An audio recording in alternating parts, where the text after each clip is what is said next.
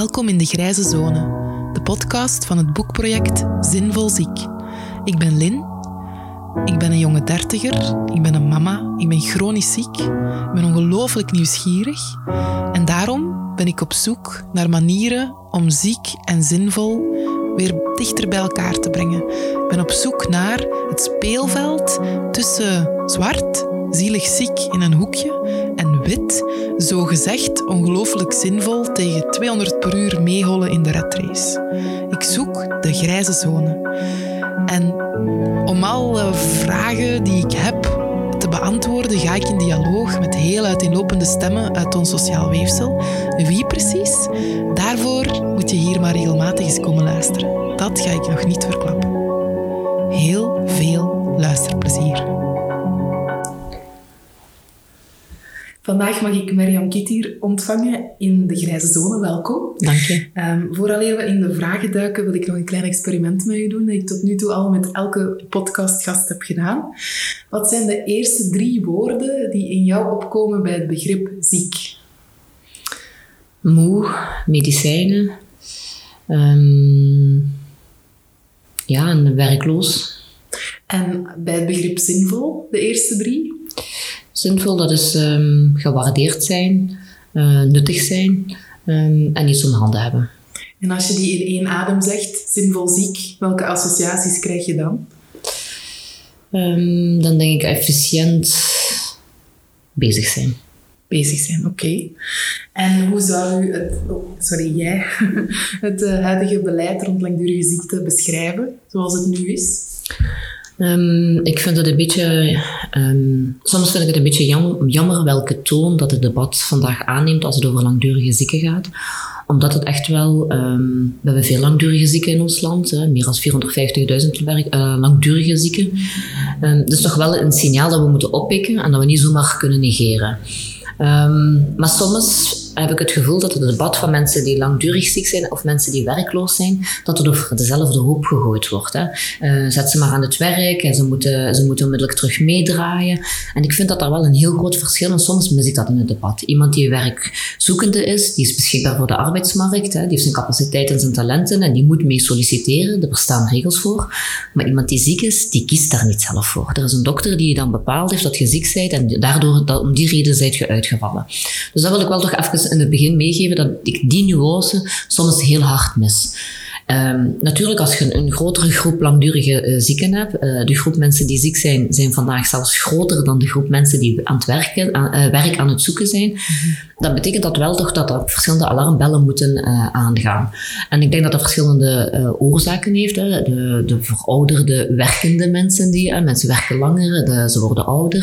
Er zijn verschillende stelsels die ook afgeschaft zijn. Hè. Denk maar aan het vervroegpensioen, die verstrengd zijn. Het SWT, dat is het vroegere brugpensioen, waar een oudere werknemers eigenlijk zouden uitvloeien. Die vallen nu vaak meestal op de ziektenuitkering.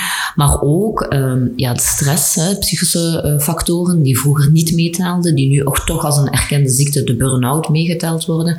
En drie, uh, wat toch ook heel belangrijk is, dat de werkomstandigheden er niet altijd zo naar zijn dat de mensen eigenlijk op een zeer aangename manier kunnen werken. Daardoor vallen mensen ook veel meer uit met rugklachten en noem maar op. Dus ik denk dat we die, die symptomen niet mogen negeren. En belangrijk dat we vanuit dat standpunt en vanuit die visie vooral voor een stuk uh, vertrekken.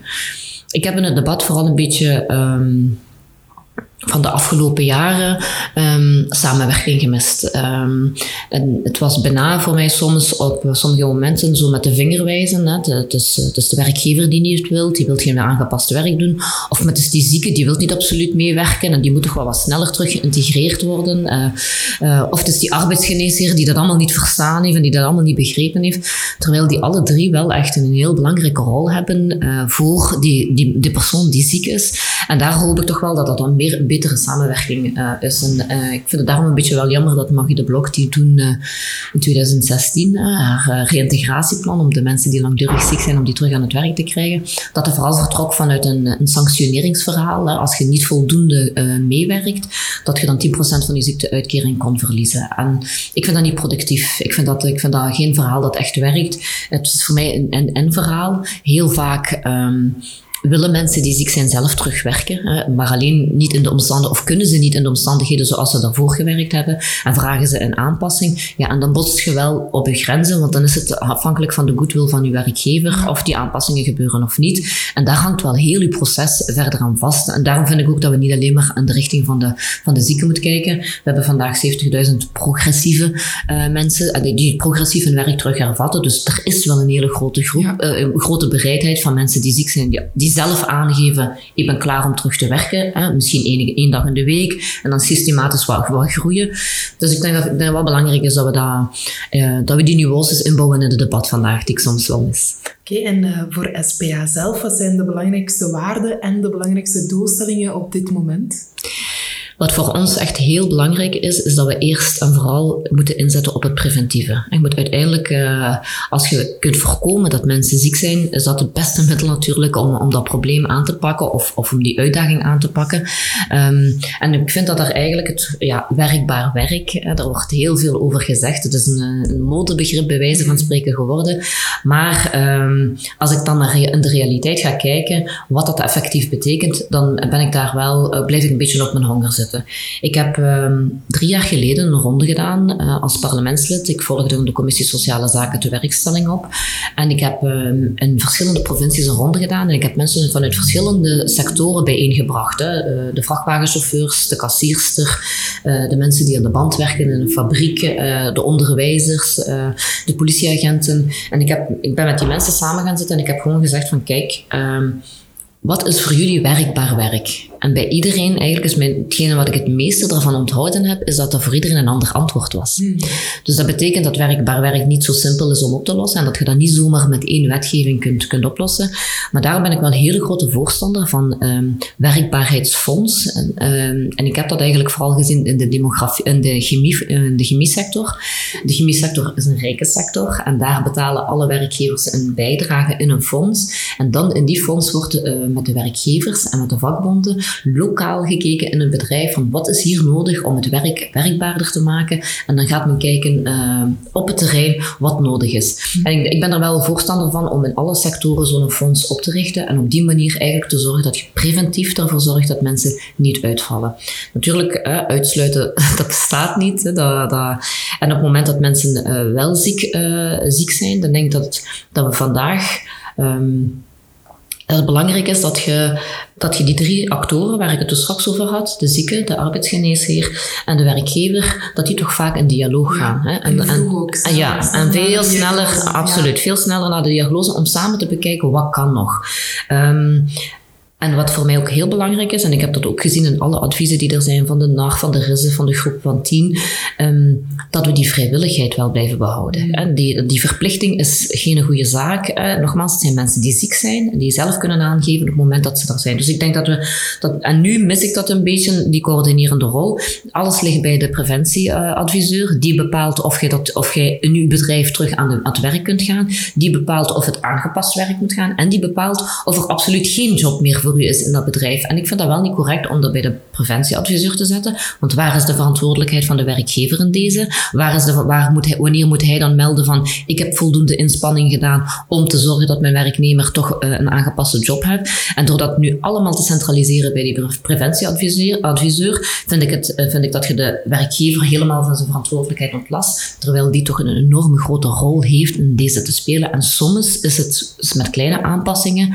Ik zeg maar iets, uh, ik heb heb, uh, ik ben zelf lang werknemer geweest in een groot bedrijf. Uh, ik ben lid geweest van het Comité van Veiligheid en Bescherming.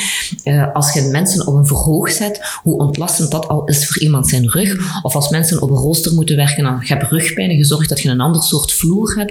Het zijn soms met kleine aanpassingen dat mensen wel een aangepaste job hebben. Maar nu ontslaat je de werkgever volledig van zijn verantwoordelijkheid. Hij moet zelfs niet verantwoorden waarom dat er geen aangepast werk is. En het eindresultaat is dat de zieke vandaag ontslagen kan worden als het traject helemaal doorlopen is. En wat nog veel schrijnender voor mij is, want 70% van die mensen die in het reïntegratietraject zijn gestapt, zijn ontslagen zonder opzegvergoeding. Dus ja, je staat dan gewoon op straat en vanuit uw zwakke positie al. En dat, dat mis ik voor een heel stuk. Dus voor mij moet dat meer een sluitstuk zijn. We hebben daar ook een, een wetsvoorstel over ingediend uh, in het parlement, waarin we die, allee, de preventieadviseur de uh, uh, zieke werknemer en de werkgever, dat die dialoog veel vroeger moet starten, maar ook de werkgever meer verantwoordelijkheid moet geven, dat hij eigenlijk, zoals de Europese wetgeving dat ook aan, uh, aangeeft, dat als een persoon een beperking heeft, dan ben je verplicht eigenlijk om aanpassingen te doen. Is dat niet, dan moet je verantwoorden om welke redenen dat je die aanpassingen niet komt doen.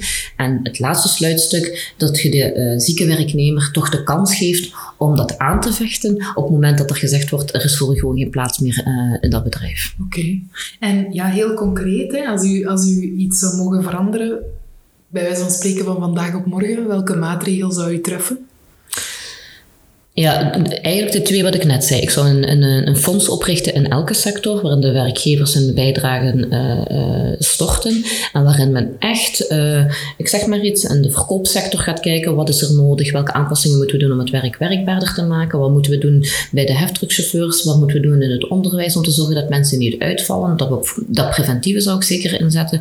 En het tweede luiken zou ik zeer zeker inzetten om echt die evenwicht terug tussen de drie actoren die spelen, om die terug te herstellen en alle drie een belangrijke rol geven. En nu niet enkel alleen maar bij de preventieadviseur, zoals, zoals dat zegt vandaag uh, is. En als je ja, als, als zieke werknemer niet voldoende doet, ja, zet je de pineut, kunt je ofwel een stuk van je uh, uitkering verliezen, ofwel zet je gewoon een volledige job kwijt.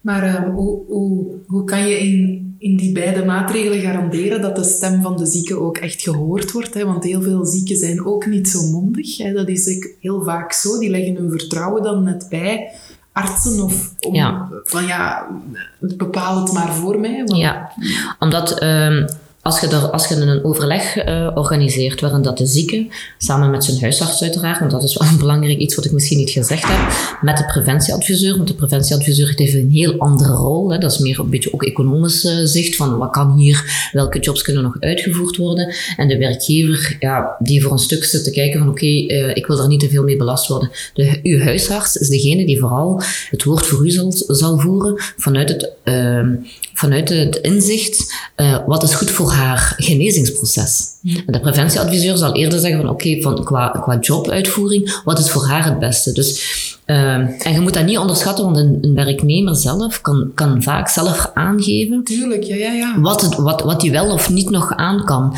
En, en dat, wordt, dat mis ik vooral een stuk nu in, in het verhaal. Maar wat ook zo is, allee, als je, ik heb bijvoorbeeld ook al met professor Lode Goderis gepraat en zo. En um, de grootste drempel, heel vaak, voor een langdurig zieke om terug te gaan werken, is net de dokter. Die zegt, manneke, blijf nog maar wat rustig. Uh, je moet eerst nog herstellen. Je moogt nog niet dit en dat. Dus nou, en ook ik denk de rol van huisartsen, ik denk, zoals dat nu is in onze haastmaatschappij, ik denk niet dat de connectie tussen patiënten en huisartsen nog die mate open en intens is dat een huisarts voor u kan weten in zo'n... Wat, wat voor u ja, kan. wat voor u kan en niet kan. Maar dus dat, dat, ja. is een, allee, dat is een veel groter probleem, denk ik, in de gezondheidszorg. Ja, maar, maar ik denk ook wel dat we daarom op, uh, dat debat op een andere manier moeten voeren.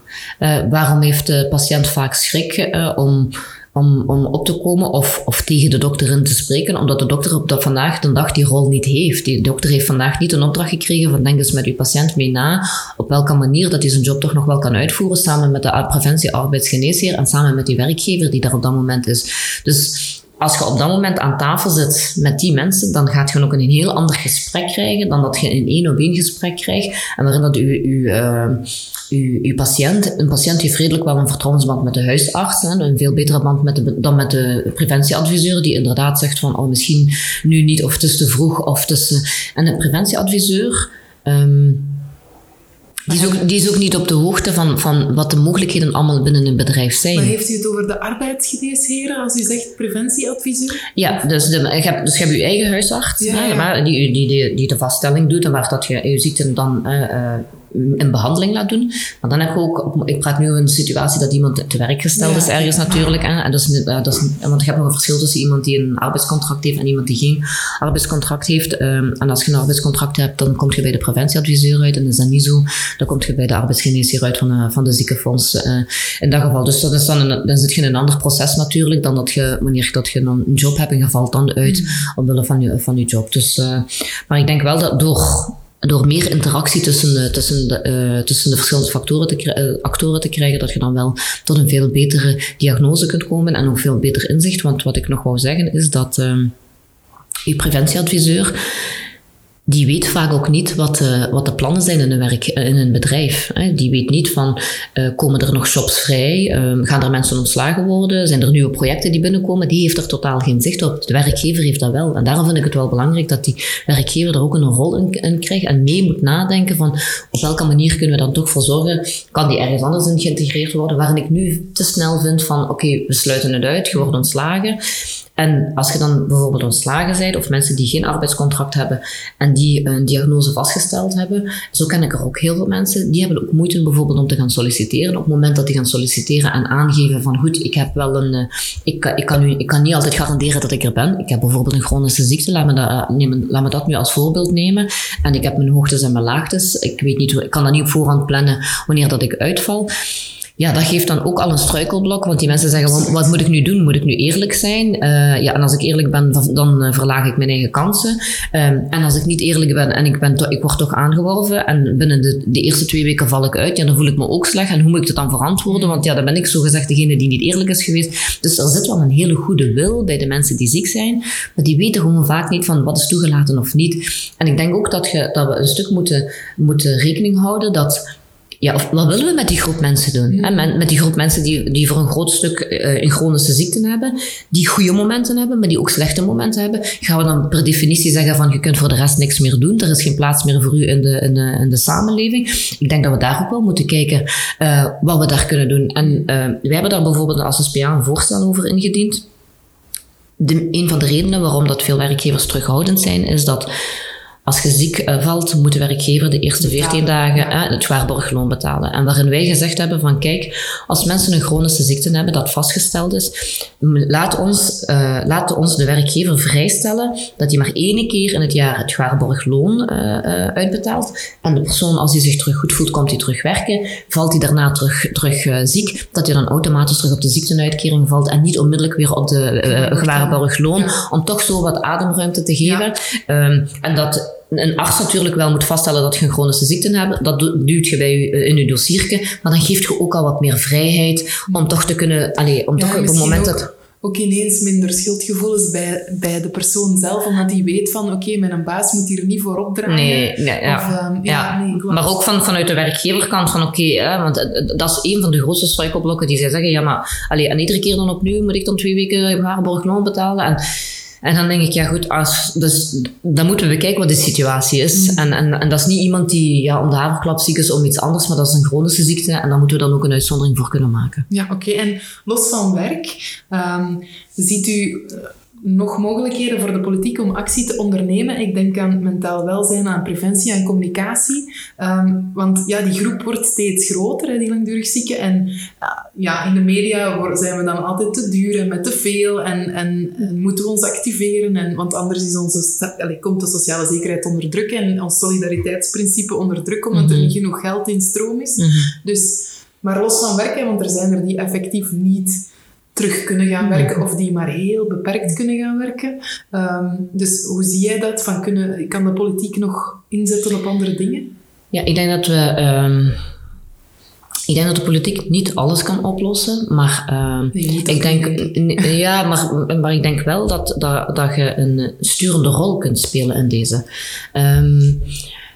Ik denk dat we wel, dat de politiek wel een rol kan, kan spelen in hoe kijken we naar mensen die ziek zijn. En uh, wat vinden wij dat hun rol is in, de, in onze maatschappij? Um, en wat betekenen die mensen nog? Ik bedoel, ik vind dat we de afgelopen jaren meer het debat gevoerd hebben vanuit uh, de kost. Uh, weet je wel wat dat kost voor de sociale zekerheid en zoveel zieken en... En wat is de return ervoor? En er zijn misschien allemaal terechte vragen, maar ik wil wel terugherhalen wat ik in het begin gezegd heb. Het zijn wel mensen die er niet voor gekozen hebben. Ik ben nog geen ene tegengekomen die gezegd heeft, ik ben voor mijn plezier ziek gevallen en ik, eh, ik zit hier leuk in, de, in deze situatie. Uh, iedereen die bij een beetje gezond verstand heeft, die wil het liefst van alle. We zijn in een nieuwe jaar, we wensen elkaar allemaal een goede gezondheid. We weten allemaal wat dat het waard is. Maar ik denk wel dat uh, door meer voorbeeldfiguren te, naar voren te schuiven. Door um, ook werkgevers kunnen daar een belangrijke rol in spelen. Ik denk dat de groep van tien en de sociale partners daar ook een belangrijke rol in kunnen spelen. En ik denk wel dat als je campagnes opzet waarin dat men de meerwaarde ziet van mensen die, um, die misschien niet fulltime meer kunnen werken of die misschien maar één dag in de week hun nut kunnen brengen. En dat de, de zieke patiënt kan uitleggen wat dat voor die persoon betekent. Want het hebben van een job is veel meer dan alleen maar een inkomen hebben. Hè. Dat is ook een beetje zelfrespect, dat is waardering. Dat geeft u, allee, uh, je bent nuttig, je voelt je een deel van de samenleving, je hebt het gevoel dat je een steentje bijdraagt. Dus job hebben is, is veel meer dan alleen maar een, een inkomen. Maar ook aan de andere kant, een werkgever kan ook gerust eens uitleggen van wat, de werkgevers hebben ook een maatschappelijke rol. Hè? En ik ga nu misschien een, een hele gekke vergelijking maken, maar uh, ik ben een, uh, een, dochter van een mijnwerker. Mijn vader is vanuit Marokko naar de mijn gekomen. Um, en je kunt er veel over zeggen, maar de werkgever van de mijn die heeft daar wel voor gezorgd dat mijn ouders een huis hadden. Uh, wij konden naar school gaan. Ze hebben helemaal mee de wijk uitgebouwd. Dus die hadden ook een maatschappelijke rol die ze speelden.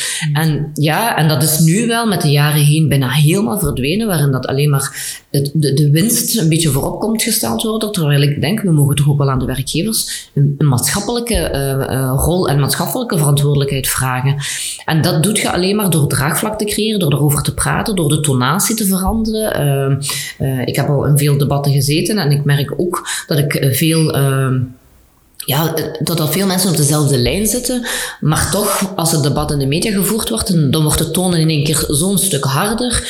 En ik weet niet waar het precies mee te maken heeft, maar dat we naar elkaar beginnen te wijzen, terwijl we eigenlijk denk ik vooral moeten vertrekken van wat kunnen we doen en hoe kunnen we dat oplossen. En dat gaat wel een groot verschil maken. En dat is iets wat je niet met de wetgeving kunt veranderen, maar wel uh, hoe betrekken sociale partners erin, hoe kun je met voorbeeldfiguren komen, hoe zorg je ervoor dat, uh, want bijvoorbeeld, ja, de gewesten zijn nu verantwoordelijk voor alles wat met de werknemer of met de zieke te maken heeft, wat uw kenmerken zijn, wat uw talenten zijn, wat uw capaciteiten zijn. Dus zij zijn wel verantwoordelijk, of zij kunnen perfect wel zeggen, we geven een financiële stimulans aan werkgevers, die mensen die langdurig ziek zijn wel aan het werk helpen, of die wel inspanning doen om preventieve maatregelen te nemen. En dat heeft in het verleden altijd gewerkt. Uh, ik zie dat vooral heel fel in Nederland. Hè. Nederland heeft dat nu met de nieuwe regering ook gezegd, we gaan er volop inzetten. Maar die hebben wel ontzettend veel flankerende maatregelen, waardoor dat dan ook lukt. Dus als, je kunt niet gewoon zeggen, we gaan iedereen aan het werk zetten en voor de rest niks nee, doen.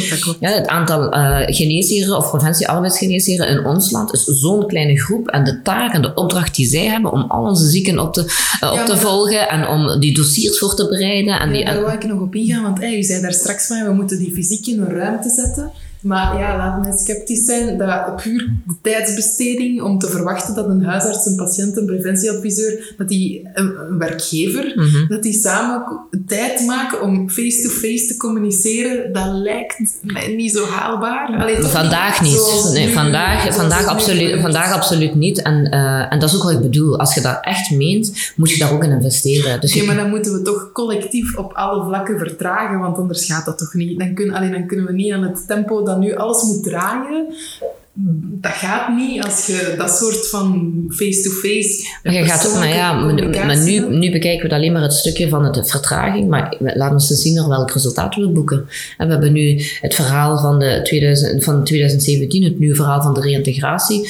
Uh, als ik nu naar de resultaten kijk, ik heb het er net al gezegd, 70% uh, is gewoon ontslagen zonder uh, een opzeg hebben dan een resultaat geboekt, dan mag het voor mij wel een stuk trager gaan. En we, we zorgen dan voor de juiste uh, inspanningen en we zorgen voor de juiste maatregelen, zodat iedereen naar zijn behoefte kan doen wat hij wil. Dan heb ik dat veel liever. soms, moeten we ook wel, soms moeten we ook durven de handrem optrekken, want we kunnen allemaal blijven gaan. Uh, maar nogmaals, als we de signalen gaan negeren van het aantal mensen dat uitvallen, ja, dan zijn we onszelf geen dienst aan bewijzen. Nee, en je komt jezelf op een gegeven moment ook wel tegen. Dus ofwel meent je het serieus, maar dan gaat er wel serieus inspanningen geleverd worden ik heb het al gezegd, als je niet voldoende artsen gaat hebben die dat allemaal kunnen doen. Ze zijn vandaag al onderbemand. Ze hebben ontzettend veel opdrachten vandaag al. Um, los, los, nog van die, om de twee maanden moeten ze sowieso alles een screening maken van alle zieken die er zijn. Nog eens, nog eens de opvolging doen. Um, dat is ook niet geweten. We hebben, we hebben weinig monitoring, omdat die mensen eigenlijk al overbevraagd zijn. Dus je kunt dan ook niet op dat moment niet schakelen. Dus het is wel een en-en verhaal. En ik denk, ja, goed, als de cijfers van vandaag of het aantal langdurige zieken nog niet bewezen heeft dat het een, een prioriteit is, ja, dan weet ik niet wanneer het wel, uh, wel uh, duidelijk zal zijn. En hoe, um, hoe kijkt u naar onbegrip en naar hoe we dat als samenleving kunnen aanpakken? Want dat zit daar natuurlijk, allee, onbegrip en onwetendheid, die, die beide. Ja. Um, ja, die spelen ook een grote rol. Hè? Waarom bijvoorbeeld werkgevers schrik hebben om langdurig zieken aan te nemen enzovoort. Dat zit er allemaal wat mee in. Ziet u daar een, een rol als politicus om daar iets mee te doen? Ja, dat denk ik wel, want um, uh, met een tour wat ik gedaan heb, en ik ben ook met veel werkgevers gaan praten, um, omdat het me toch nauw aan het hart ligt en ik wel graag wil van dat we de juiste dingen uh, verdedigen. En wat, eh, wat, ik, wat me echt vooral opgevallen was, dat iedereen wel wou, maar niemand wist hoe. Hmm. En um, uh, we hebben een, er is zelfs een wet gestemd de vorige legislatuur. De wet heette Werkbaar Werk, de wet van Peters. Um, en ik was wel heel erg teleurgesteld, want uh, ja, in plaats van dat, dat er maatregelen in zouden zijn, zouden komen die de, die de werknemer wat ademruimte ging geven op het moment dat het wat moeilijker zou zijn, of dat je dat zelf voor een stuk aanviel, was het gewoon meer overuren, uh, meer flexibiliteit. Uh, dat zijn voor mij niet de antwoorden op, op het verhaal waarin wij vragen van oké, hoe kunnen we ervoor zorgen dat mensen niet, niet meer vroegtijdig uitvallen? Uh, ik heb een ander wetsvoorstel ingediend uh, daarover. En uh, we hebben heel veel verlofstelsels vandaag in ons systeem. En je kunt verlof nemen om voor je kind te zorgen. Je kunt verlof nemen om voor je ouder te zorgen. Maar weet je dat je vandaag geen verlof kunt nemen van het moment dat je zelf aanvoelt van oei, het gaat me hier nu wel even niet goed dan zit je bijna verplicht om, om, om, op, uh, om naar de dokter te gaan en ofwel door te blijven doen totdat je volledig uitvalt. Mm. En daarvoor heb ik wel een, ook een voorstel ingediend dat je op het moment dat je zelf aanvoelt, is dat misschien fysische belasting of, uh, of psychische belasting, iedereen heeft andere klachten, uh, dat je op tijd zelf op de handrem kunt aantrekken en dat je die verlof kunt gebruiken om tijdig te recupereren zonder dat je ziek hoeft te vallen en dat je dan weer op, op het moment dat het weer beter gaat terug kunt, kunt vertrekken. Dus dat zijn maatregelen je kunt dat vandaag doen. Je kunt tot 12 jaar uh, bijstaan, uh, een ziekend, een, een, familielid. Maar als ik morgen gewoon zeg van oh, het wordt me echt te veel, om welke reden dan ook, want het zal soms ook een samenloop van verschillende omstandigheden zijn. Heb ik een, een, een sterfgeval in mijn familie? Is er een nieuwe, nieuwe project bijgekomen? gaat mijn lichaam gewoon nu even niet goed, maar ik voel me eigenlijk wel nog net goed genoeg, maar ik wil niet volledig uitvallen. Ik voel dat ik eigenlijk nu twee dagen rustiger aan moet doen, zodat ik niet volledig plat val. Ja, daar bestaan geen mogelijkheden nu om dat te doen. Hè. Ja, nee, dat, dat, dat lijkt, maar verbeter mij als ik fout ben, lijkt een beetje in dezelfde lijn te lopen als professor Goderis die zegt ik wil het ziekteattest afschaffen voor de eerste week. Hè, omdat bijvoorbeeld mensen met migraine, gaf hij dan het mm, voorbeeld, die mm. weten perfect mm. wanneer het niet gaat. Die weten ook dat ze daar medicatie voor hebben, dat ze dus niet verplicht langs de huisarts weer een briefje om te zeggen ik heb migraine, ik kom twee dagen niet werken. Lijkt een beetje in dezelfde lijn te liggen, wat meer vertrouwen leggen bij de mensen zelf, dat ze geen misbruik gaan maken mhm. daarvan. Hè, want uh, er zijn al landen waarin dat, dat is afgeschaft en waarin de fitnote wordt gebruikt. En er is geen uh, zwart verzuim of Nee, nee, nee. Heel weinig. Nee, maar daar wordt, uh, dat debat is al een paar keer gevoerd geweest en, en, en onmiddellijk wordt dan de harde toon gebruikt van, van misbruik en, en, en ik denk wel dat we daar, dat we daar inderdaad wat met meer vertrouwen en met meer volwassenheid mee moeten omgaan.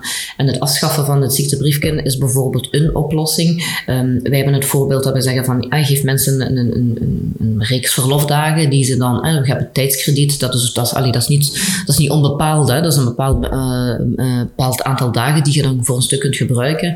Um, maar ik denk wel dat we meer naar dat moeten gaan. Want uh, als we er allemaal van uitgaan dat mensen slechte bedoelingen hebben, uh, nogmaals, mensen zijn uiteraard wel tevreden dat ze een job hebben, dat ze iets om handen hebben. En, um, en ja, willen we mensen ook een beetje vertrouwen geven en ruimte geven dat, dat ze wel in staat zijn op het moment dat ze niet... Want ze doen het eigenlijk om niet uit te vallen voor een mm. stuk. Dus ik denk dat we dat debat wel gerust eens mogen voeren. Oké, ja. Um ja, vanuit, vanuit mijn eigen positie natuurlijk als chronisch pijnpatiënt. Um, wat voor mij een groot gat in het debat is, is dat het bijna altijd lijkt te gaan over mensen die nog tot 100% kunnen herstellen. Hè? Want in heel, allee, bijna alle debatten die ik volg, gaat het dan over mensen met burn-out. Heel vaak alleen die groep. En die is groot nu, dus ik snap de fixatie daarop.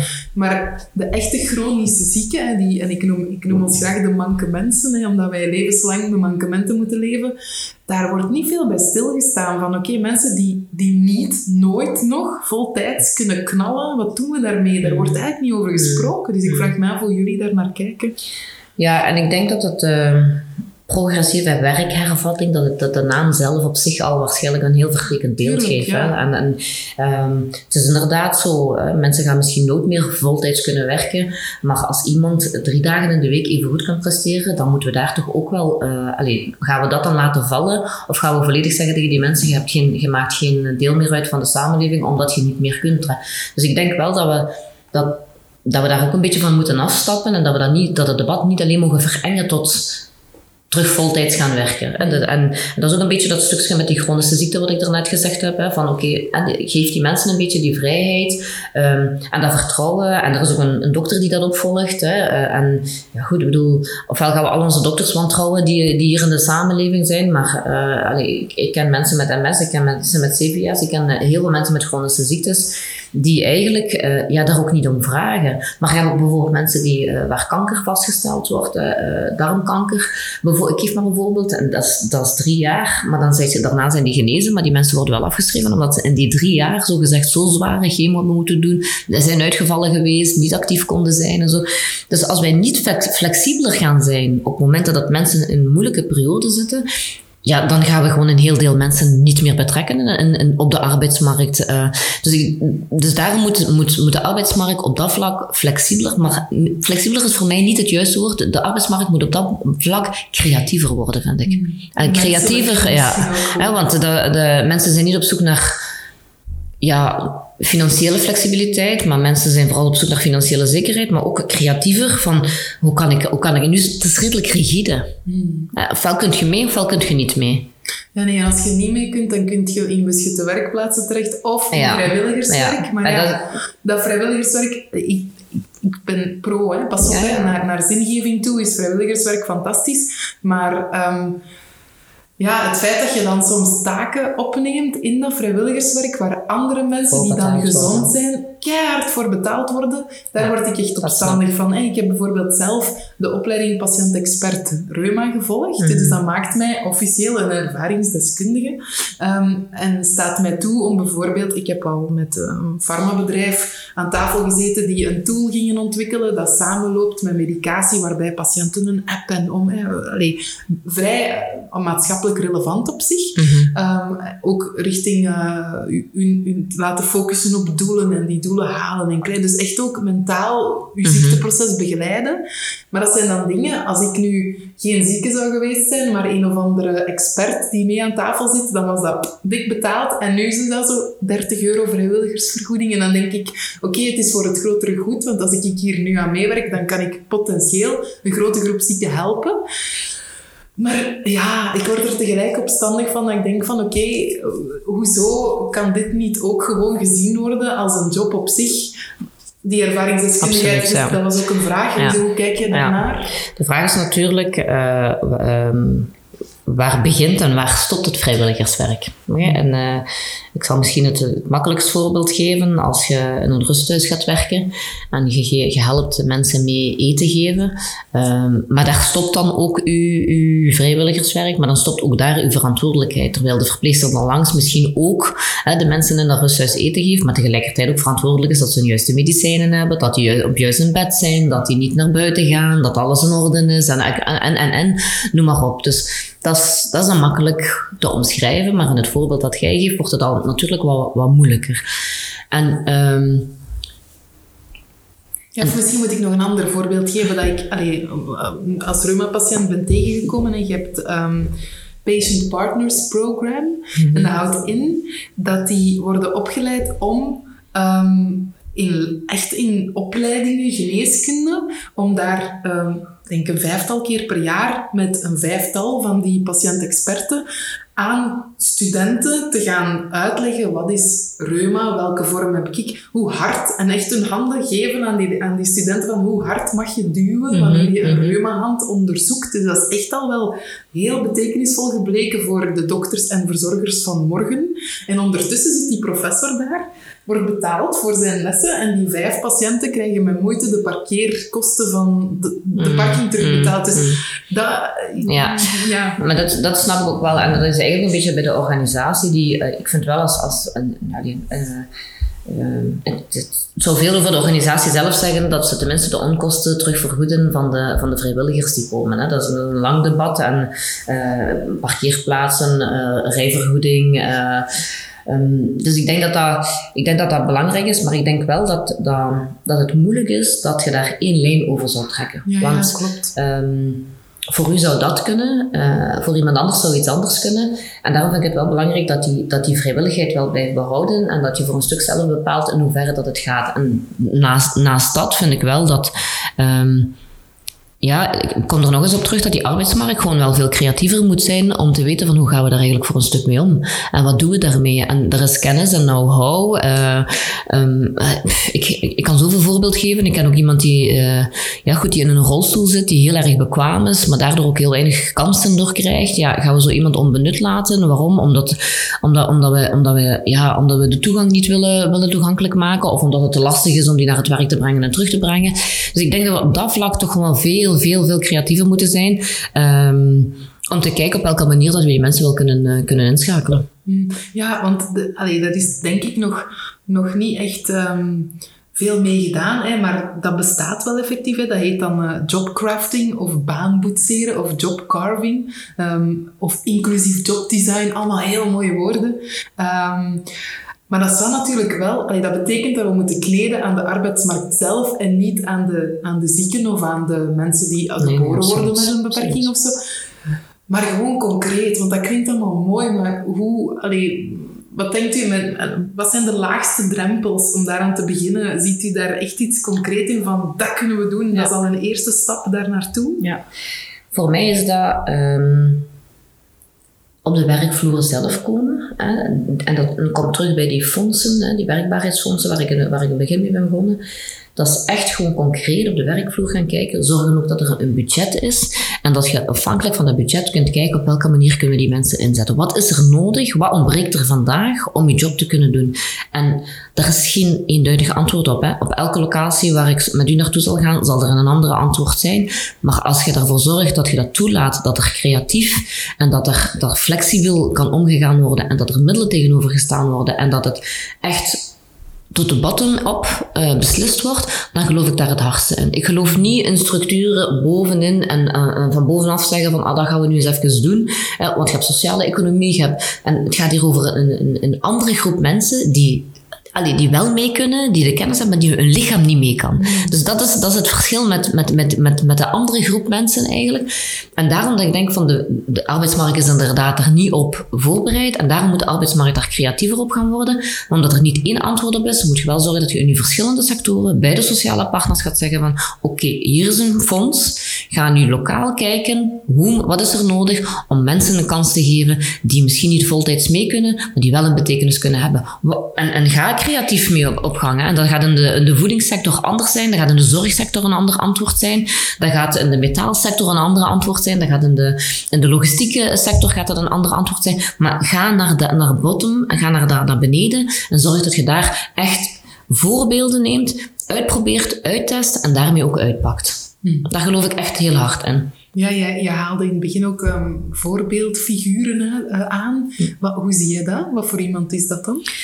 Ja, ik denk dat er, ook, dat er vandaag de dag een, een beeld bestaat van ah, iemand die langdurig ziek is. Dat is ofwel iemand die niet meer wilt, ofwel dat is iemand die eh, niks meer kan. En ik denk dat, er- dat er vandaag de dag vandaag wel, hè, want eh, niet alles is kommer en kwel. Er zijn wel bedrijven die wel mensen kansen geven. Er zijn mensen die hun uiterste best doen. En ik denk dat we die voorbeeldfiguren meer aan het woord moeten laten. Want zij kunnen spreken vanuit de ervaring, maar ook vanuit de kansen die ze gekregen hebben of de kansen die ze gegeven hebben. En eh, het is een risico nemen, maar wij, wij, nu wordt het precies gezegd, ja, je hebt een risico en je hebt geen garantie. En de garantie is per definitie negatief. Terwijl we ook wel de andere kant moeten, moeten vertellen. Er zijn ook heel veel succesverhalen. En die succesverhalen worden bijna niet meer verteld. En zeker niet als het debat in één keer op een harde toon losbarst, is er zelfs geen ruimte voor om dat te zeggen. En dat denk ik wel dat we meer ook moeten gaan laten horen, zonder naïef te zijn. Maar ik vind wel dat we een beetje beter het totaalbeeld moeten brengen. En ook eens een ander toon moeten aanslaan over dat, over dat debat. Maar is er dan niet de valkuil dat je ehm, door de succesverhalen naar voren te schuiven, dat je dan weer de lat voor de zieken nog hoger legt? Dat denk ik niet. Want uh, de, de lat voor de zieken ligt vandaag um, hoog in de zin dat uh, heel de verantwoordelijkheid een stuk bij hun ligt. En als zij niet mee kunnen, hebben ze, zijn ze... Persoonlijk falen. Ja. En, dan, en, en, en zij botsen tegen ja, hun, hun deel is maar hetgene wat dat zij kunnen en wat dat zij willen. En dat is hun goodwill, meewerken. Uh, ik wil het, um, ik kan, dus ik, wil, ik werk voor een stuk mee.